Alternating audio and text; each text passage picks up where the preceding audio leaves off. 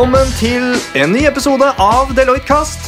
Og i dag har vi en litt eh, spesiell episode, Marius. Ja, fordi dette er jo podkasten der vi vanligvis fyker rundt i Deloitte-huset og, og finner folk vi kan riste hodene til og, og se hva som detter ut av kunnskap. Det gjør vi jo nå også. Og, Men ja, ikke på Deloitte-huset. Nei, for vi har vært på Arbeidslivskonferansen 2022, eh, som var i regi av Finans Norge, og fikk stuntet litt der. Yes, eh, Så vi har rett og slett kjørt litt eh, live podkast. Yeah. Vi hadde eller Vi har fått satt opp eh, altså et eh, live studio ute i foajeen der, eh, med live publikum og, og opptak, så det skal dere få høre. Og da snakket vi med Elin Narve og Martin Baltersen. Og Elin hun jobber i noe som heter Future Leaders. Og hun var det veldig spennende å høre fra 23 år bare, men leder for da dette ledernettverket, litt meta. Men Ja, og jobber da med å utvikle da fremtidens ledere, Ja, ja, sant, og har fått med seg ganske mange kule sponsorer som, som er voksne ledere, og som, som jobber med det. Ledere, ja. Og, og har ganske, hadde mye spennende refleksjoner både på scenen og i denne episoden om både ledelse i fremtiden og millennials-generasjonen. ikke ja, minst. Er det skal de egentlig noe i det hele tatt? Er det noen forskjell på disse generasjonene? Uh, Hvem vet? Hvem du får vet? høre i intervjuet. ja, du får se. Uh, og jeg syns det var veldig kult å høre også fra Martin i Google Yes. uh, om, om hvordan, egentlig bare hvordan de jobber. Han snakket om noe som heter, altså noe de kalte fleksibilitetsmuskelen. Det å øve på å være fleksibel. Og det synes jeg var, det er en veldig kul sånn holdning at eh, det er ikke noe vi bare kan ta for gitt. Vi snakker om at vi må være agile og fleksible og bla, bla, bla, alt, alle disse tingene. Men å øve på det, det er det ikke så mange som faktisk gjør. Men det gjør de ved at de faktisk eh, restrukturerer hele organisasjonen annethvert år. Hver 18. måned. Ikke det, Wow. det wow. Jeg syns det er altså Det er, alltid, det er kult å snakke med Google, for det virker som at de er liksom helt på eh, cutting edge av det som alle organisasjoner egentlig burde være gode på. De ligger liksom i forkant på å være i forkant. Wow. Litt skryt til Google der, men det fortjener de. Og jeg tenker det er noe å, å ta med seg egentlig for alle som, som er i en organisasjon. Mm. De finnes det jo noen av. At eh, det er enklere å endre seg når det går bra, enn når det går dårlig. Det, mm. I tillegg så hadde vi en, eh, en veldig celeber gjest, vil jeg jo si, som Oh, det var hyggelig å ha med. Eh, Selveste kunnskapsministeren, Mm. Henrik Asheim, som han eh, heter. Tidligere leder for Unge Høyre også, som nå er kunnskapsminister når Torbjørn Røe Isaksen er ute i pappapermisjon. Eller uh, slappaperm. Slapp Som, av, eh, Vi, vi ser frem til den dagen. Ja. Det, blir, det blir en fin tid. Spørs om det blir en ekte slappaperm eller ikke. Men eh, Nei, han var jo det var veldig stas å få snakke med en sånn eh, profil. Og vi fikk jo snakket litt og grilla han litt på skolesystemet. Om mm. de egentlig utdanner den eh, typen kompetanse som vi trenger i framtiden. Og jobber på den måten man trenger, om, spesielt med digitalisering. Hva er det egentlig i skolesystemet? Betyr det at vi har smarte tavler som er eh, elektriske og ikke analoge? Det, eh, jeg tenker nei. Ikke sant? Og, for det er jo litt sånn at skolen er litt sånn old school, da. Og bokstavelig talt. Eh, at eh, den er jo eh, Ting drives jo litt på samme måte som det ble gjort for lenge siden. Og det er kanskje ikke de som er de som trykker mest på innovasjonspedalen i samfunnet vårt. Så, Men likevel så er det snakk om så mye digitalisering der, men liksom ja. sånn. Og så pusha vi han litt på dette med coachingkultur, faktisk, i, Mm. i skolen. Om hvordan lærere kan jobbe mer med, med utvikling av seg selv også, sånn som vi jobber med lederutvikling. Og det var også litt kult å høre hans tanker om det. Det vi, det vi også gjorde eh, på den konferansen, eh, som vi eh, ikke kommer til å slippe nå pga. Eh, at lydkvaliteten falt litt under det, eh, var et intervju på scenen hvor vi hadde med oss en del deltakere der. Og, og fikk gjort en litt sånn Q&A på slutten av, eh, av en sesjon der, som, som også var veldig spennende. Flere deltakere der som, som snakket bl.a. Om, om fremtidens kompetanse. Eh, og de snakket litt om dette her med nysgjerrighet. Der fikk vi igjen konkludert med at det er de nysgjerrige som alltid vinner, Ja, eh, som det ble sagt der. For det, vi, vi snakket jo om liksom fremtidens kompetanse, hva trengs for å møte alle disse endringene og alt, alt det greiene der. Og da er liksom Konklusjonen er alltid at ja, ok, vi må fortsette å være nysgjerrige. Og vi som individer og organisasjonen må være nysgjerrige. Men hvis, hvis eh, altså Noen er mer nysgjerrige enn andre. Sånn er det bare. Og hvem skal på en måte ta ansvaret for de i en organisasjon? Er det ledelsen, er det HR, eller er det whatever?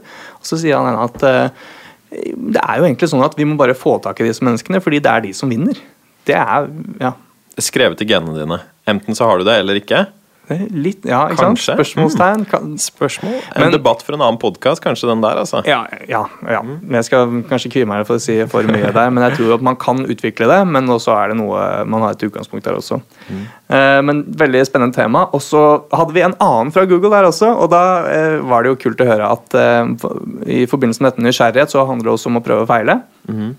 Og eh, det de snakket om at de faktisk har at de belønner eh, At man får belønnelse for å, gjøre feil, ikke for å gjøre riktig. Eh, og så ble det spørsmålet ja, men får man, er det noen bonusordninger for å nå målene sine. Da Og da var det sånn bare eh, Nei, det er jo jobben vår. Det, det får vi jo lønn for. Så her må du um, gå i bakken innimellom da, hvis du skal få eh, bonuspengene dine på konto.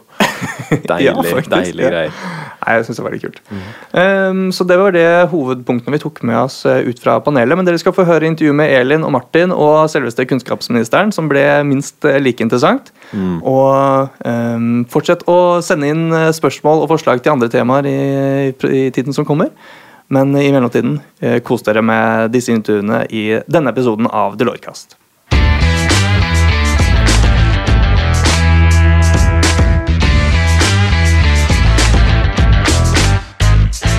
Da er vi direkte inne fra arbeidslivet 2022. eh, Og vi sitter her med Elin Nørve og Martin Baltersen. Elin er co-founder av Future Leaders, og Martin er industry head i Google Norge. Og vi gleder oss veldig til å snakke med dere om fremtidens ledere og fremtidens organisasjon, eller kanskje nåtidens organisasjon òg, som er, gjør seg klar for fremtiden. Eh, Så Eh, hvilke, kan ikke dere bare kjapt introdusere dere selv litt? Hva dere driver med i det dere gjør? Yes. Eh, ja, jeg driver da Future Leaders. Vi eh, jobber med lederutvikling av unge. Egentlig pga. at nå står vi overfor ganske mye viktig omstilling for å kunne ta verden inn i en mer bærekraftig fremtid. Både liksom miljø, mennesker, um, utdannelse, alt mulig. Um, og det å utvikle da ledere som forstår hvordan man skal forholde seg til det, det er veldig viktig. Så vi er i Oslo, Bergen, København, Stockholm og Barcelona. Og ja, koser oss stort. Kult. Spennende. Ja, Martin er meg, da. Og jeg jobber eh, i Oslo, eh, på Google-kontoret der. Det er visst drøye 40 stykk nå. Eh, Så til daglig så jobber jeg stort sett eh, med finansnæringen. Og det jeg prøver å få til, er å hjelpe disse aktørene eh, med å lykkes med internett som kanal. Både på, med hjelp av vår teknologi, våre produkter og plattformer, men også kundens egne plattformer. For å, for å sørge for at de blir mest mulig konkurransedyktige i tiden som kommer.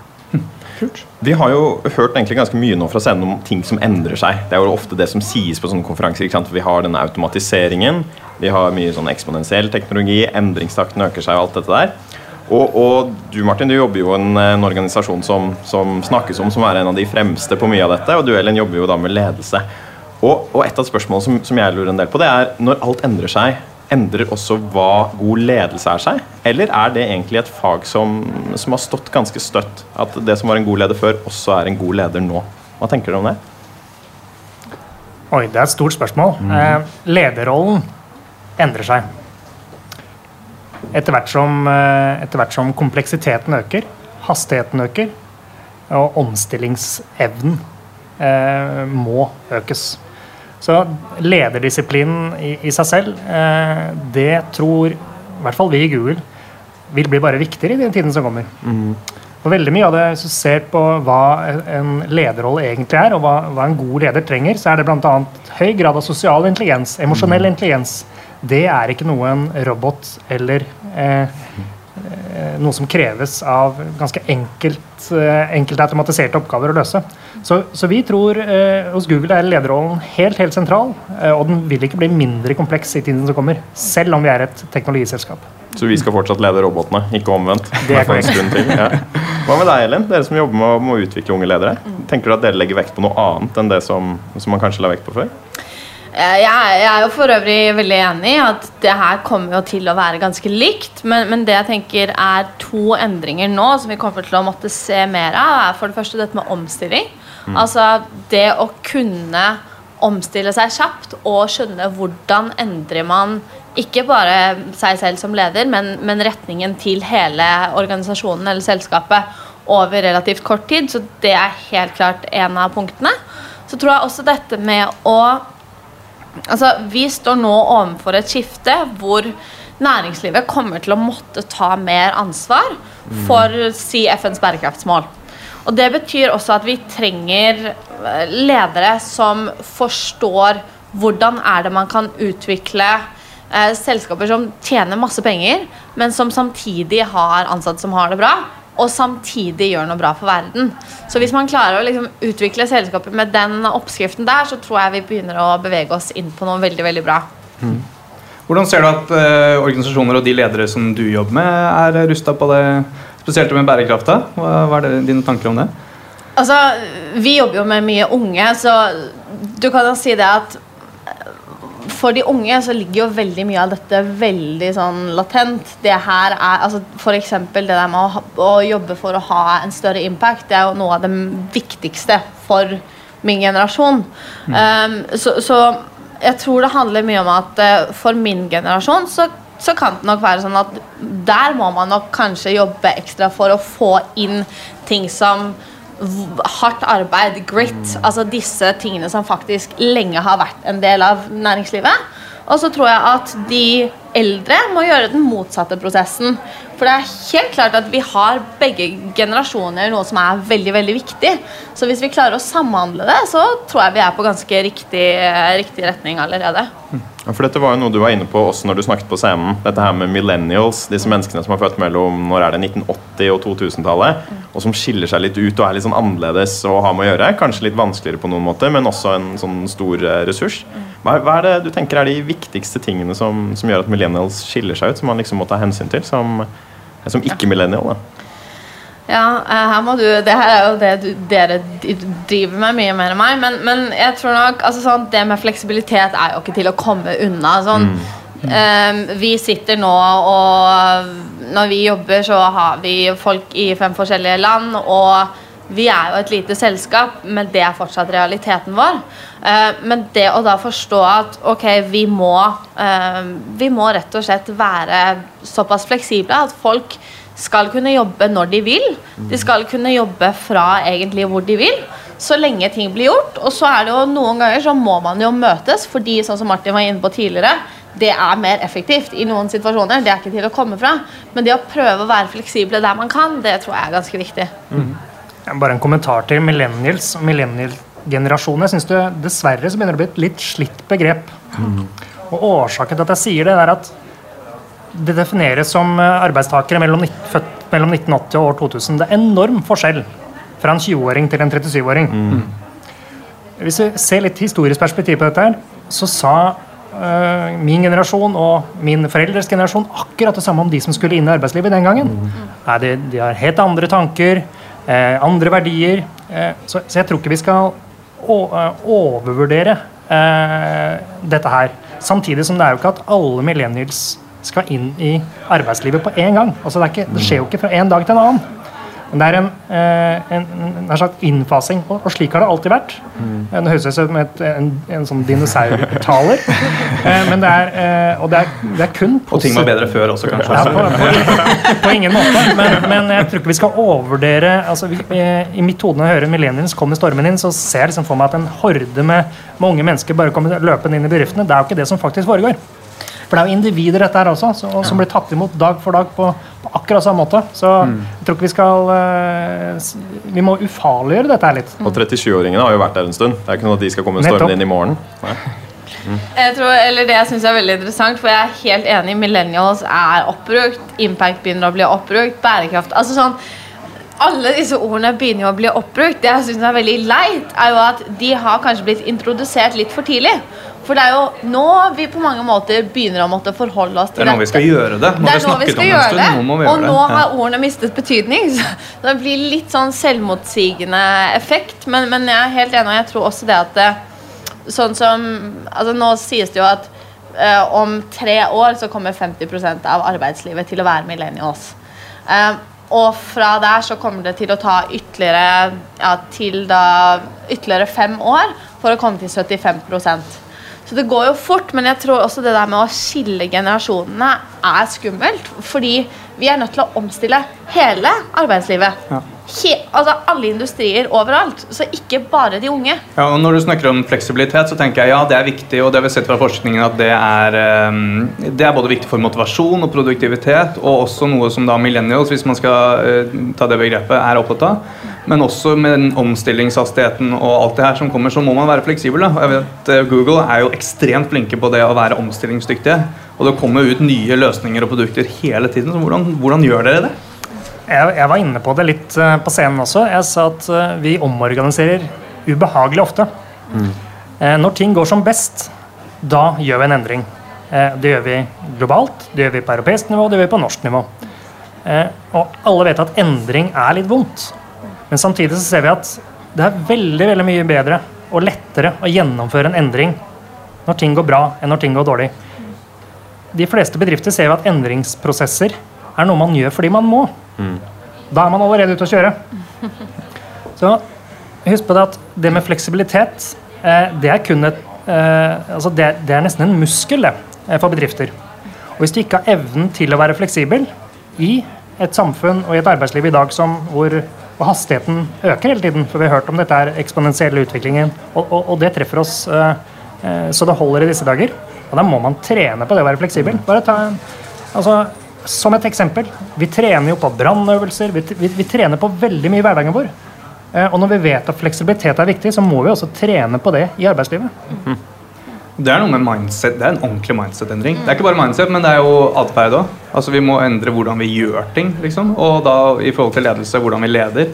Det, det gjør at vi må slippe til mye mer, da. Og bare stole på at folk gjør det, det, det de kan og vil. ja. Ja, Her har jeg faktisk et spørsmål til Martin. fordi Du nevnte tidligere i dag dette med hvordan dere nå har gått inn i et samarbeid med jeg vet ikke, du nevnte Facebook videre, på hvordan er det man kan stille om styrer til å bli dyktigere. Kan du, jeg ble supernysgjerrig. Hvordan gjør man det, eller hva gjør dere der? Det vi det vi ser når vi jobber med norske bedrifter Vi, øh, vi er så heldige da, å ha, ha, en stemme. Og vi prøver å ha en stemme i den norske digitaliseringsdebatten og omstillingsdebatten.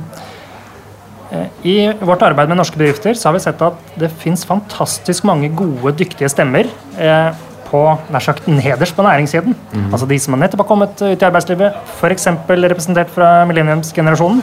Men de har ikke nødvendigvis gjennomslagskraften eller sitter i lederposisjoner i dag. Mm. Men de, der er det en hel urskog av mennesker som virkelig ønsker å få til ting, og som mm. kan veldig mye. Og vet hvordan teknologi skal anvendes for å få til endringer. Så er det motsatt. På toppen der er det dessverre veldig mange som ikke helt tør å innrømme engang at de kan for lite om teknologi og hvordan de skal anvende teknologi for å forbedre f.eks. konkurransekraften eller innovasjonsevnen. Og, og er, eh, der er vi såpass heldige at uh, vi har klart å samle en uh, lang rekke uh, norske styremedlemmer og styreledere i et felles initiativ med andre det vi liker å se som digital frontrunners. Mm. Vi som har dette her, Tekstselskaper som har dette her litt under huden. Uh, og rett og slett invitere til et lav, lavterskel opplæringstilbud som går nå over, uh, går nå over første omgang over et år. Mm. Og dette er bare ett av de mange initiativene vi eh, gjør i Norge for, å, for at Norge skal, som, som, samfunn skal omstille seg og gjøre seg klar for den, for den fremtiden som egentlig allerede er her. Så det er litt sånn øking av tech-saviness i ledere? Er det sånn liksom, Hva er blokkjede og hvordan Blant annet. Og det går, og... går, på et, eh, går, på et, ganske bredt eh, spekter av, eh, av produkter og tjenester. Ja. Men det å, det å De beste lederne er de som tør å vise svakhet og tør å mm. samtidig være nysgjerrig. Det er veldig altså, De dårligste lederne er de som tviholder på, mm. tviholder på på posisjonene sine og ikke engang vil slippe til de, til de nye. Uh, og, og, Jeg sier ikke at norske styreledere er sånn, men må, et sted må de starte. og Et godt sted å starte er å forstå uh, hva teknologien kan, kan, gjøre for mennesker og for, for de ansatte. Jeg synes jo Det var spennende det du snakket om, om minnet her også, da, med dette med hippo. altså Highest paid person's opinion. At, at den ofte har en tendens til å være den som, som blir gjeldende. da, Den som faktisk får gjennomslag også. Eh, hva var det dere i Google gjør, eller hva er det dere gjør for å, for å sørge for at det ikke alltid er hippoen som, eh, som, på en måte får sette retning, men at andre også får slippe til? Det, da må jeg gå helt tilbake til eh, menneskene vi forsøker å ansette. Mm. Eh, som skal være eh, tenkende, gode individer. Eh, og en av de tingene vi måler eh, er f.eks. Eh, lederevner eller det vi kaller for general cognitive abilities. Som handler om er det noe omløpshastighet oppi topplokket. Er det samme som IQ eller G? Eller Nei, ikke det samme som IQ, langt ifra. Eh, Men at du faktisk har evne til å systematisere informasjon og, anvende denne informasjonen på en, på en god måte. Så det med, at, det med at det ikke skal være hippoavgjørelser, det handler rett og slett om at vi er et veldig datadrevet selskap. Eh, og det er den innsikten dataene gir, som skal legge grunnlag for avgjørelser. Bare ta et eksempel fra vår hverdag. Eh, det er viden kjent at vi har god tilgang på god og næringsrik mat, men også mye søtsaker. Det eh, har vist seg at eh, selvfølgelig søtsaker som sjokolade og veldig korte karbohydrater det er, eh, gir en veldig bra kortsiktig effekt, eh, men du blir ganske trøtt og jobber dårligere når produktiviteten går ned. Så det vi rett og slett har gjort eh, på alle kontorene verden over, er jo bare så enkelt som å sette lokk på alle krukker med søtsaker og legge ting i skuffer. Og så har vi frukt og annen god næringsrik mat og drikke eh, fremme. Typ vannet står først, mens brusen står bakerst. Eh, og det er, ikke, det er ikke Vi gjorde ikke det bare fordi vi mente at det var smart, men det er rett og slett eh, forskning og god data som ti- tilsier at det er smart for at den totale mengden av 75 000 mennesker skal kunne levere bedre enn det de gjør, men bare spiser sjokolade og søtsaker. Så helt sånn enkelt, enkelt ting som det. Og det hadde ikke hjulpet om en, eh, et menneske hadde sagt at det skal vi gjøre, bare fordi hans, han, ikke var, han eller hun var så glad i godteri. Eh, eh, det må ligge, ligge data til grunn som, eh, som eh, beviser nettopp det man ønsker å få til. For det, er, det jeg hører da, altså, ok, ja, man må spise sunt og alt mulig sånn, men det er liksom det, ligger, det høres ut som det ligger helt i bånn at vi skal tenke kjapt og vi skal tenke godt. Mm. Uh, det er liksom Og dataen skal være viktigere enn hippoen? Også, høres det som. Definitivt. Ja. Og fjerne liksom de instinktene litt. Og, og sånn at man ikke bare Jeg leste det, det var forskning som var gjort på Som var gjort i um, jeg, jeg tror det var i Polen, på dommere. Så hva som, eh, hva, man, hva som eh, korrelerte mest med Så det var snakk om prøveløslatelse. Eh, og hva som predikerte prøveløslatelse mest. Og det var hvor lenge siden de hadde spist, disse dommerne. Wow. Så det sier jo litt om at det har noe kraft, det du sier der. da. Men eh, Elin, eh, vi snakker jo litt om, om, om ledere, og det er sikkert mange unge ledere som, som prøver å bli eh, toppledere eller klatre karrierestigen eller klare å gjøre et impact, da, som vi også sier. Og du jobber jo med å utvikle ledere gjennom, gjennom det initiativet ditt. Hva slags tips har du til unge ledere som, som ønsker å utvikle seg, og, og få de, eller egentlig bli i stand til å gjøre et impact? um, jeg, jeg tenker jo for det første det at sånn Jeg tror Jeg tror nok unge i næringslivet skal ha et litt sånn bevisst forhold til det at det å komme inn i næringslivet i en alder av eh, 22 eller 26 med en master, og så skulle ha en topplederstilling, det er per liksom dagens eh, struktur ikke helt realistisk.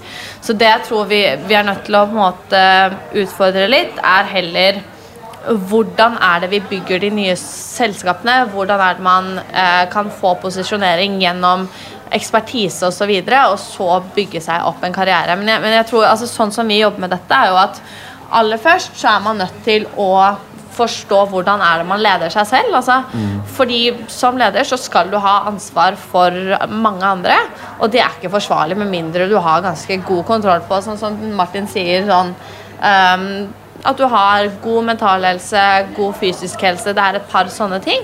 Og da har du et ganske godt grunnlag for å kunne gjøre mange gode beslutninger, men det starter helt klart der. Eh, og så etter det selvfølgelig å tilegne seg mer. Ok, Hvordan er det jeg jobber med mitt team? Hvordan er det vi håndterer uh, utfordringer osv.? Og, så og det kommer rett og slett bare av erfaring. Så da må man erfare, da må man utfordre seg selv og lære. Og så er det siste dette med impact, og å faktisk forstå hvordan er det konteksten på samfunnet i dag er lagt opp. For det holder ikke nå lenger bare med selvledelse og ledelse, men du må også forstå hvordan er det alle disse andre tingene utvikler seg veldig veldig kjapt. Eh, og når man forstår det, så har man et ganske mye bedre fundament, og kan også antageligvis si klatre ganske mye fortere, fordi da har man en kunnskap som, som ingen andre har. da. Det er en god dose ydmykhet, hører jeg, og så forståelse for verden. Ja. Og så må man eh, samtidig klare å liksom lære fort og lede seg selv. At det starter med så enkelt som det, egentlig. da. Ja, absolutt. Jeg har lyst til å kommentere på det. Du nevner ordet ydmykhet. Eh, Det er en nøkkel. For når du, er, eh, når du er 25, De som er 25 år, er i hvert fall min erfaring i dag, og som Elin er inne på, har en mastergrad og har, har ledererfaring fra enten organisasjoner eller, eh, eller andre verv gjennom eh, skole- og studietiden, de, de kan veldig mye. Eh, mer enn det en 25-åring kunne. Da i hvert fall da jeg gikk ut, eh, gikk ut fra BI. Men samtidig så er også forventningene større. Så de som veldig sjelden får jobb i Google, er de som går inn og sier at du skal altså, Som mangler den ydmykheten. Du må huske på det at Når du er ferdig med et utdannelsesløp og skal inn i arbeidslivet, så har du egentlig bare bevist at du har evnen til å lære. Du, du er ingen eh, Du har ikke ledererfaring. Du har ikke nødvendigvis den erfaringen som skal til for å, for å løse alle, alle, oppgaver i en bedrift. Og, og Hvis ikke du har med deg den ydmykheten inn eh, som, som, en relativt fersk eh, arbeidstaker, da tror jeg du er ute å kjøre. Så Det er en sånn ulempe som Elin var inne på i sitt innlegg fra scenen, med at foreldrene har nær sagt sydd puter under armene på, på, på barna i, en, eh, i, den siste generasjonen og, har sagt at de er så flinke og de kan alt og det er best. Eh, så er sikkert ikke realiteten sånn når du faktisk skal ut i arbeidslivet. Men har du det mindsetet og tror at du faktisk er der, da, da er det mange som får seg en vond aha-opplevelse i arbeidslivet. Vi har snakket om det også, at uh, vi har fått definitivt mer respekt for erfaring ja. uh, bare de siste par årene. Uh, det er noe med å kunne forutse ting før det skjer, og fordi du kjenner en ting som skjer som, en, som leder, og sånne ting, så man på en måte bare må være ydmyk på at det har man ikke vært gjennom før selv. Ja. Men jeg tror Dette var en kjempe, kjempespennende samtale, men jeg tror vi må runde av. Alle skal få seg lunsj. Alle skal få seg lunsj, Og vi skal rigge om til eh, paneldebatt inne i salen. Eh, live eh, podkast der også. Så kjære lyttere der ute som hører på dette, det kommer straks. Og tusen takk til Elin og Martin for at dere tok dere tid til å prate med oss her i, i dag. Det var veldig hyggelig. Hyggelig å være her.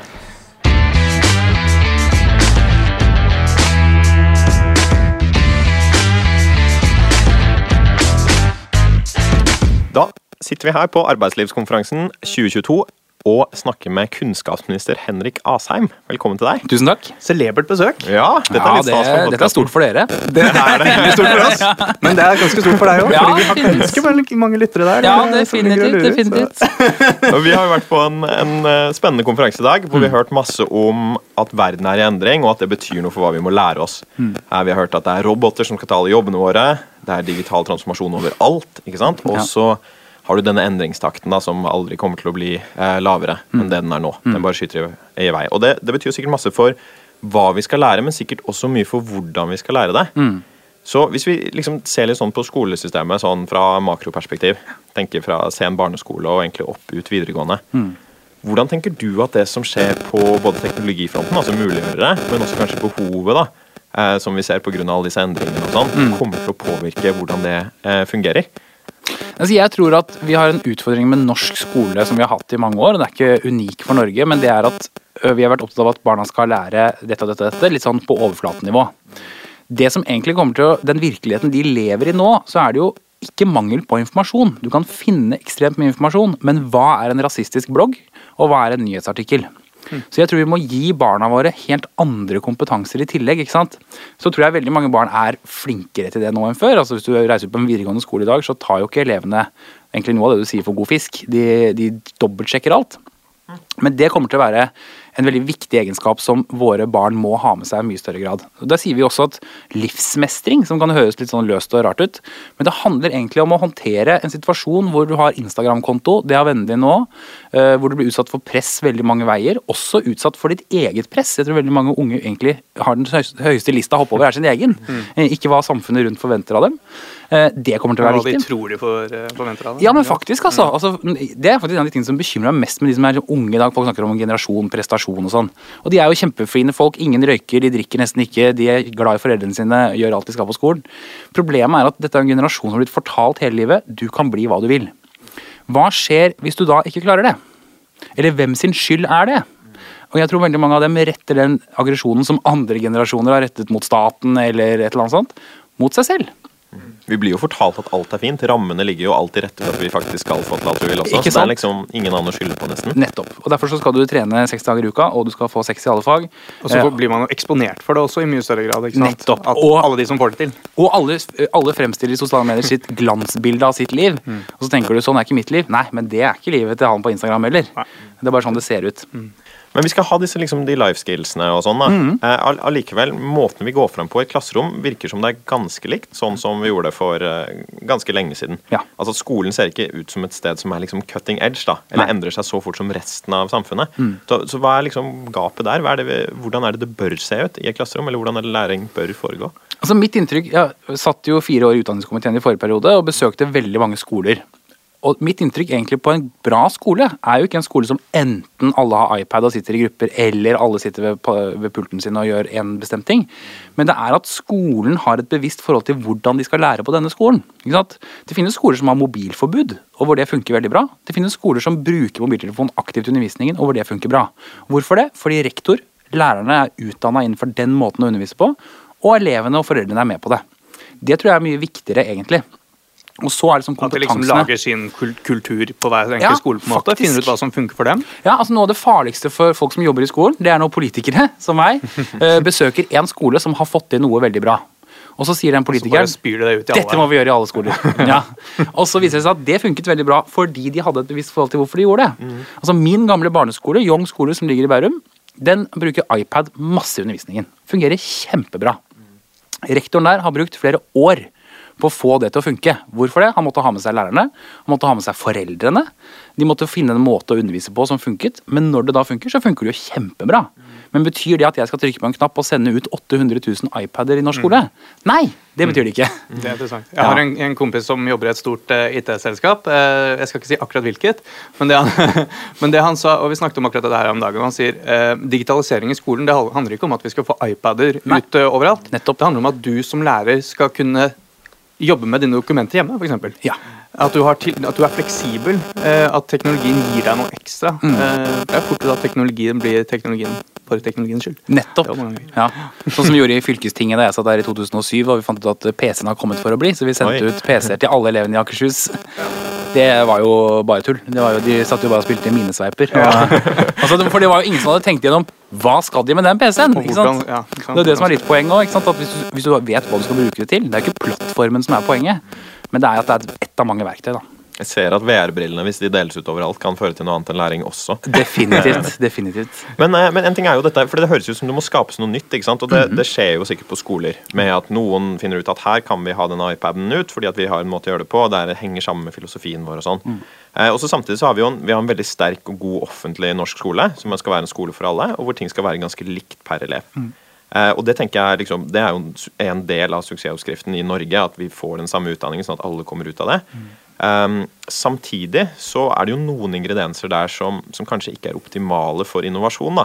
For eksempel at du ikke får variasjon. Alt skal være likt, så du, du får ikke de seleksjonseffektene om hva er det som funker best. Du har ikke noe um, konkurranse av profitt, som, som ofte bidrar til innovasjon. Og du har heller ikke sånne store private investeringer å få til sånne nye ting.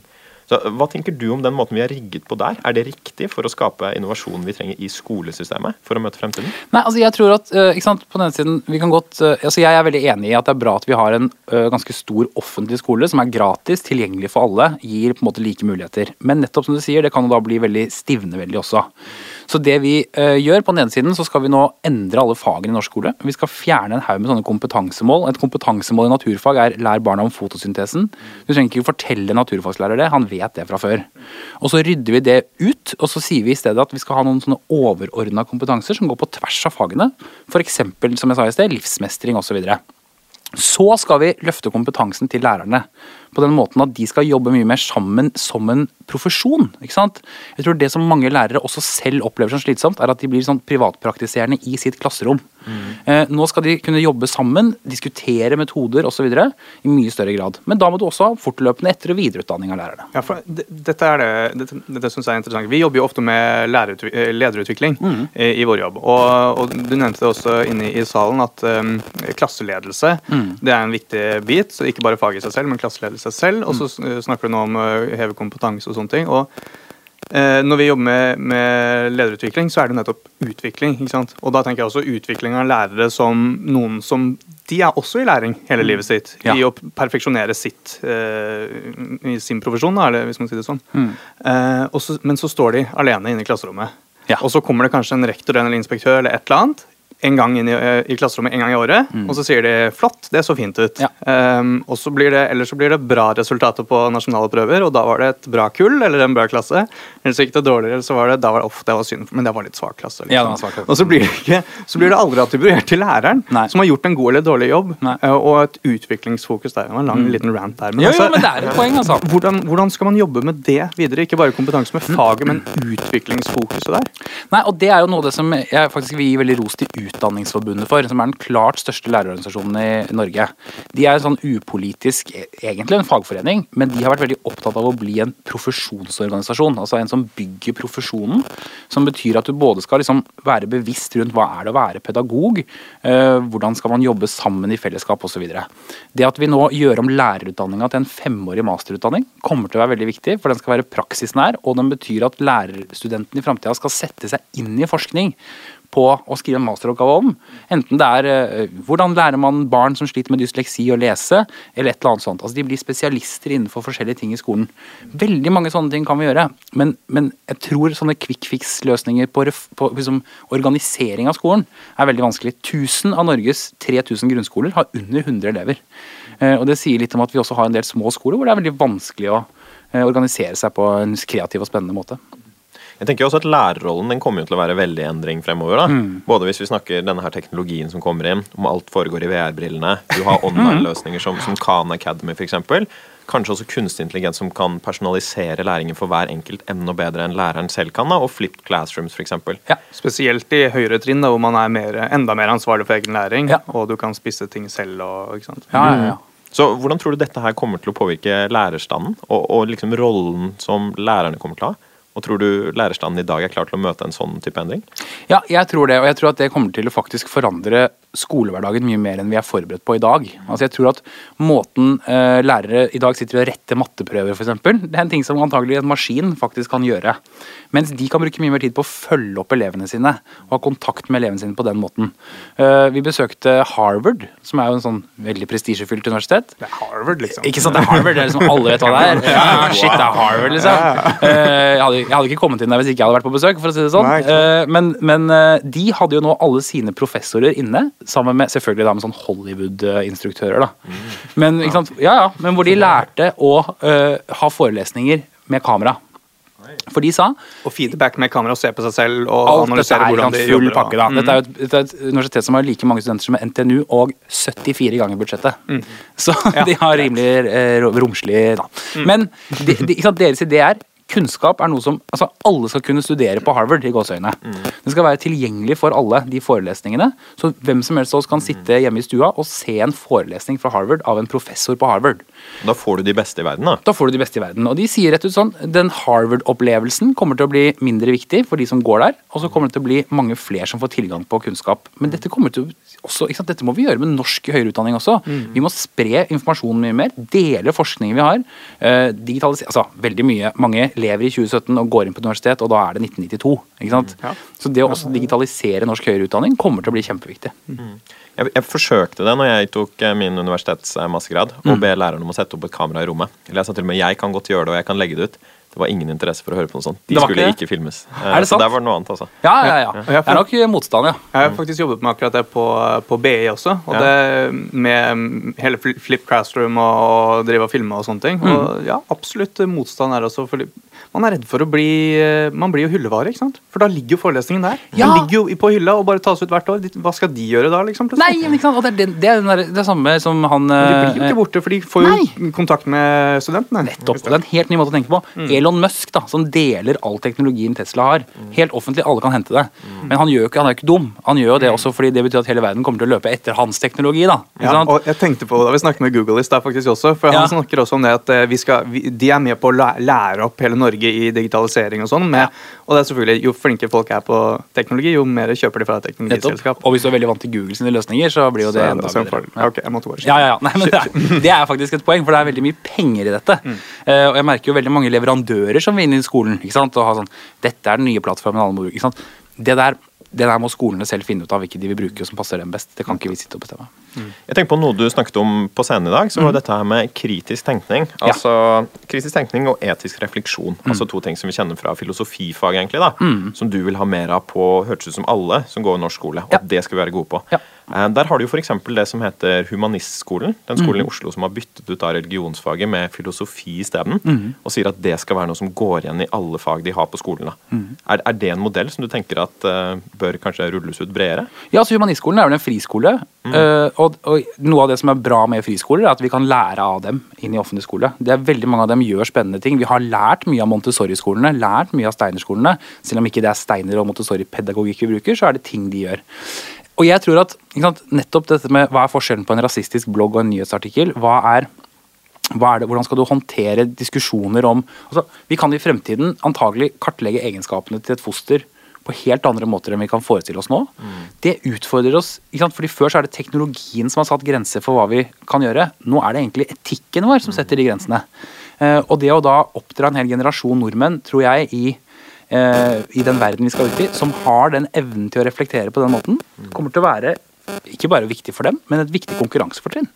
At vi har en, eh, en befolkning som er i stand til å tenke kritisk og reflektere over ting. Så Det er jo en vridning bort fra på en måte fakta eh, til, eh, til refleksjon og kompetanse, noe du på en måte eh, besitter eller klarer å gjøre, mer enn noe du skjønner. Men fakta, for det er det som er forskjellen nå. Hva er fakta? Ja, det er jo- et eget sant? Man kaller det postfaktuelle eh, tidsalder og sånn. Poenget er at sant? Men det er det, fakta og informasjon finner du ikke først og fremst i læreboka, de finner det absolutt overalt. Spørsmålet er hva er fakta, eh, og hva er det som er eh, vås. Men gir det da mening å, å hete fortsatt kunnskapsminister, ikke kompetanseminister? Kompetanseminister, eller refleksjonsminister, eller et eller annet? Filosofminister. Kritisk tenkningsminister. Ja, gjerne det, altså. Jeg kan hete hva som helst, bare det heter minister til slutt, så er jeg fornøyd. jeg. Jeg tenkte Et siste spørsmål eh, før, mens vi har deg, er jo at kanskje vi går inn i en fremtid nå hvor folk ikke trenger å jobbe så mye. At du har eh, robotene som overtar. Ja. Og vi snakker jo om det som en veldig dårlig ting. Her kommer ledigheten ikke sant, og tar oss. Og vi som jeg vet ikke om det er arten vår eller kulturen vår, har i hvert fall gjør at vi ikke er så flinke til å håndtere det. Vi Nei. blir psykisk syke og enslige, og alt uh, dårlig skjer. Alle som har hatt romjul, vet åssen det er, tenker ja, Du blir jo helt uh, nedbrutt av det. Og spørsmålet er, Hva gjør skolesystemet med det? Er det? Tenker du at det er noe vi bør lære i skolen som ikke handler om å være klar for et arbeidsliv, men å være klar for eh, et ikke-arbeidsliv også? Jeg tror i hvert fall at, at eh, skolens oppdrag er å lære barna mer enn å jobbe. Eh, og lære nettopp dette med å håndtere livet osv. Mm. Men jeg må jo si, sant, det er jo samme som da mailen kom. da, E-post. Da sa man sånn Nå kan alle jobbe sekstimersdag istedenfor åttetimersdag. Det er ikke det som skjer. Det er bare at du får gjort mye mer på de åtte timene som du gjorde før. Eh, da man fant opp bilen, og da var det jo sånn at de som lobbet da veldig for taxi, altså hestedrosjer, fikk jo da innført en regulering som sa at for å kjøre vanlig bil, så må du gå en mann foran med et rødt flagg. Hvorfor det? Fordi den skal gå litt saktere enn hestedrosjen. ikke sant? Det er hele poenget. Vi kommer til å møte veldig mange som sier at dette her kommer bare til å ikke sant? Nå, må, nå kan vi bare legge oss på, sofaen, roboter skal gjøre alt. Overhodet ikke. Det faktum er at vi kommer nå til å kunne løse mye større nye utfordringer med mindre ressurser. Så vi kommer til å få gjort mye mer og produsere mye mer miljøvennlig, f.eks. eksempel. Det er en kjempemulighet. Da dampmaskinen kom, så var det jo ragnarok mm. mange steder. Men du og du og bra det var at dampmaskinen kom. Sånn at, sånn at ja, det blir noen tøffe tak. Vi har, da vi fant olje og gass i Norge, så rydda vi plass til olje- og gassnæringen. Det betyr at en del gamle industribedrifter ble lagt ned på 80-tallet. Det var svære demonstrasjoner, raseri. Og mange ble nostalgiske og ønsket å bevare alle disse bedriftene. Det, det går ikke. Donald Trump nå skal holde liv i kullindustrien i USA. Det må han gjøre med subsidier, for den er ikke lønnsom lenger. Fordi man har funnet annen energi som er miljøvennlig. Det er det som er problemet hans. Det er jo ikke at noen har forbudt kull. Sånn at den utviklingen er i utgangspunktet veldig positiv. Men ja, det betyr at norsk skole også må lære deg å håndtere kanskje et arbeidsliv også som vil stille helt nye utfordringer. Du må venne deg til at endringene skjer fortere. Eh, og jeg tror faktisk at en av de tingene som flere kommer til å etterlyse fra arbeidsgivere framover, er trygge, stabile rammer. Se Søkertallene til sykepleierutdanningen eksempel, skyter i været. Det er kjempebra, fordi vi trenger flere sykepleiere. Men det er også et, at mange søker seg til kanskje tryggere eh, jobber i offentlig sektor. Eksempel. Så de som går i første klasse, må fortsatt forberede seg på et arbeidsliv og lære ting. Selv om de kanskje ikke trenger å ta sertifikatet, tror jeg i hvert fall, for de selvkjørende bilene. Nettopp. Tusen takk for at du kom, Henrik. Takk det for her meg. var herlig. Kjempegøy. Veldig gøy å snakke med deg. Og med det takker vi for denne gang. Hvis du likte episoden, så hadde vi satt veldig pris på om du ville dele episoden med eh, dine venner og kjente, og kanskje gi oss en liten eh, like der du ser episoden i sosiale medier. til og med legge inn en anmeldelse på iTunes. Det hadde vært litt artig. og Vi har noe der, men ikke så veldig mye. Og det hjelper oss med å få enda flere lyttere, komme litt høyere opp på listen. Så det betyr eh, mye for oss, og at vi får lov til å fortsette å gjøre dette her. Og i tillegg så kan du selvfølgelig kontakte oss på e-posten podcast at deloitte.no. Og vi tar imot lytterspørsmål, eh, får dem ut på lufta her, og har også endret ofte temaene våre på episodene basert på det som kommer inn. Så Absolutt. hvis du vil høre noe annet, send oss gjerne en e-post. Ris og ros, det tar vi med. Eh, mest ros. Og med det så sier vi takk for oss, og takk for denne episoden av Deloitte-kast. Vi høres. Vi høres.